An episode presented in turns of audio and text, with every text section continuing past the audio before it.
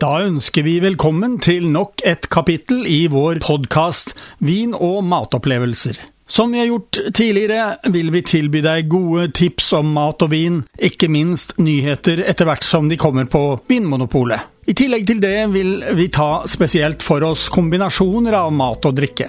Vær så god, det er servert.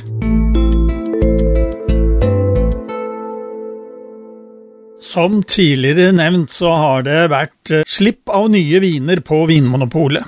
Noen er helt nye, mens andre har kommet i ny årgang. Også i dag har vi hentet fram tre viner av disse. Så her på bordet foran oss har vi en hvitvin og to røde, og den ene av de røde er også en bag-in-box, som det heter. Den første vinen, som er hvit, kommer fra vinhuset Chateau de Pierreux. Det er en Chateau de Pierreux Beaujolais Village Chardonnay fra i fjor. Altså, her er druene plukket for tre kvart år siden, så dette er en ungdom. Siden den heter Beaujolais Village Chardonnay, forstår vi at den er fransk, fra det som regnes som det sørligste området av Bourgogne, og at vinen er laget av chardonnay-druen. Det er ikke veldig lenge siden vi smakte, i denne podkasten, en annen vin fra dette vinhuset. Det var en typeriktig rødvin fra Beaujolais som fikk god omtale. Så hvor ligger Beaujolais i Frankrike? Vi er omtrent midtveis mellom nord og sør, i tillegg er vi litt øst mot Sveits.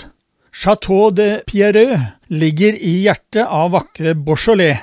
Faktisk er stedet der vingården ligger, rett nord for matbyen Lyon og rett sør for vinbyen Bonn, omtrent midtveis. De avrundende åsidene strekker seg i alle retninger, og vindruer har vokst her i tusener av år. Chateau de Pierreux eh, ligger ved Montbruy, som det heter på fransk. De 250 hektarene med vinmark har jordsmonn av kalkstein og granitt. Her har de nesten ikke lov til å bruke andre druer enn gamay når de lager rødvin, så dem er det mye av. Men nå har vi altså en hvitvin. Så hvordan var denne vinen? Ja, når jeg ser på den, så er fargen klar og lys strågul. Duften er fyldig og fruktig, med preg av gule epler og litt sitrus. Siden vinen er så ung, er den mest fruktig og ikke så fet i duften som du kan oppleve på litt lagrede chardonnayer fra Bourgogne. Vinen er velsmakende og frisk, den har middels kraftig smak, og den er rik og ganske fruktig, og har et snev av gule epler og sitrus. Vi finner også litt mineralsk preg på den. Vinen er helt tørr, men av fruktigheten får den et slags sødmeaktig preg. Så hva kan vi bruke denne vinen til? Den vil passe godt som en aperitiff. Vinen vil også absolutt komme til sin rett sammen med fisk og skalldyr. Denne vinen finner du på basisutvalget, og prisen er 169 kroner. Konklusjonen vår er at eh, det er en flott hvitvin som vil være et godt kjøp. Da snakker vi om vinen Epicuro Nero Davola Merlot fra 2019. Den er laget av det italienske vinhuset Fermar Vini. Vinhuset har en rekke merkevarer, og Epicuro representerer det gjeveste. Fermar Vini har en rekke vingårder rundt om i Italia. De viktigste områdene for druene i vinhusets viner kommer fra områdene Abruzzo, Puglia og Sicilia. Alt begynner på 20-tallet, da Manilo Merché startet sin produksjon av vin og olje. Manilo overfører sin lidenskap til sønnen Armando, som på 70-tallet grunnla familieselskapet i området mellom Frascati, Monteporzia, Catone og Agro Romano. Sicilia har en lang tradisjon for druer. Øya var en viktig bastion for grekerne. Da snakker vi om 800 år før vår tidsregning, så det var nok mange vinmarker her den gangen. Sicilia er en storprodusent av druer.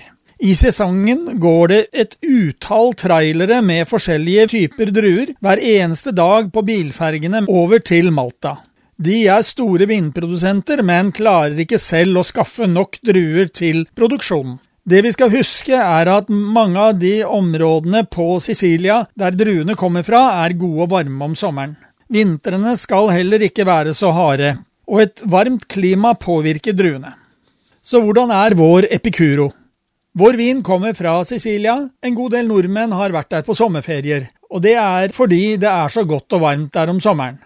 Dette har nok vært med på å prege druene i denne vinen. Druen Negro d'Avola kan vi si er nasjonaldruen på Sicilia, og nettopp dette er hoveddruen i denne vinen. Fargen er klar, funklende og mørk blårød. Duften middels kraftig og fyldig, fruktig med moden frukt.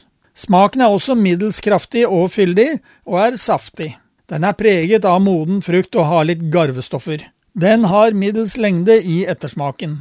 Denne vinen finner du på basisutvalget og koster ikke mer enn 115 kroner. Konklusjonen vår er at det er en ukomplisert rødvin til en rimelig pris. Samtidig er den svært sødmefull. Den har faktisk mer sukker per liter enn de fleste tørre rødviner vi er vant til. Dessuten har den lite syre i forhold til sukkerinnhold. Du bør med andre ord avkjøle den før du får den i glasset, ellers vil den gi deg en for sødmefull opplevelse. Så hva kan vi bruke denne vinen til? Den vil selvsagt kunne brukes som det vi kaller drikkevin. Når det er sagt, vil vi raskt legge til at slike ukompliserte viner ofte kan passe til enkel mat. Men for all del, da må du huske å servere den ved en lav temperatur, slik at du får fram det som måtte være av struktur i vinen. Da har du fått dagens podkast fra Radio Riks Oslo om mat og vin. Hvis du ønsker å abonnere på den, slik at du får den automatisk når nye blir lagt ut, kan du gjøre det. Kommende mandag får du neste kapittel. Vi høres!